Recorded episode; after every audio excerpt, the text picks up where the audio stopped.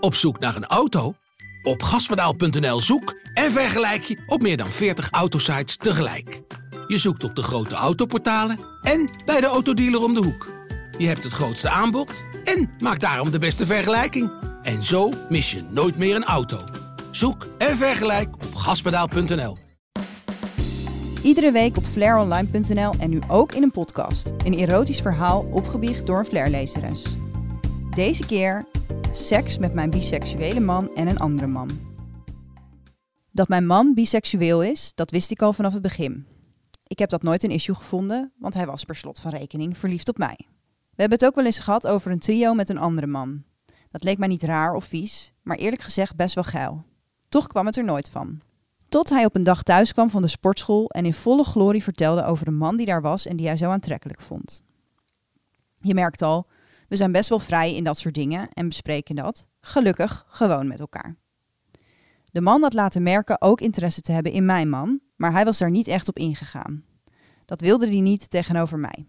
Ik weet niet waarom, maar ik vond het zo'n opwindende gedachte dat ik zei: Nodig hem eens uit, maar je moet wel zeggen dat ik erbij ben. Zo gezegd, zo gedaan. Twee dagen later stond er een afspraak gepland voor die zaterdag. De hele week had ik kriebels in mijn buik en mijn man en ik fantaseerden over wat als. Wat als hij seks met ons wil? Wat als ik ineens jaloers word? En wat als ik hem helemaal niet aantrekkelijk vind? Al die twijfels bleken ongegrond toen hij voor de deur stond. Wat een stuk.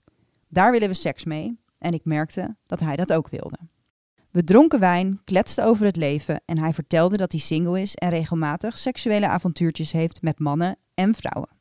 Wij vertelden dat mijn man biseksueel is en dat we dit nog nooit hadden gedaan, maar hem onwijs aantrekkelijk vonden. Van het een kwam het ander en voor ik het wist zat mijn man te zoenen met een andere man. Ik deed mee, we streelden elkaar, zoenden elkaar, kledingstukken gingen uit en er werd gevingerd en afgetrokken. De mannen waren heel erg op mij gericht, wat ik fijn vond.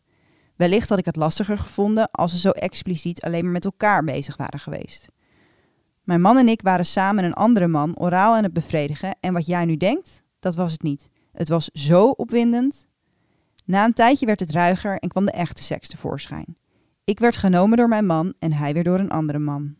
We wisselden van posities en bleven maar zoenen en strelen. Ik hield het niet meer en kwam klaar. En toen kwam het pornofilmgedeelte. Ik ging op mijn knieën zitten en liet de twee mannen klaarkomen over mijn gezicht. Zelfs dat was geil.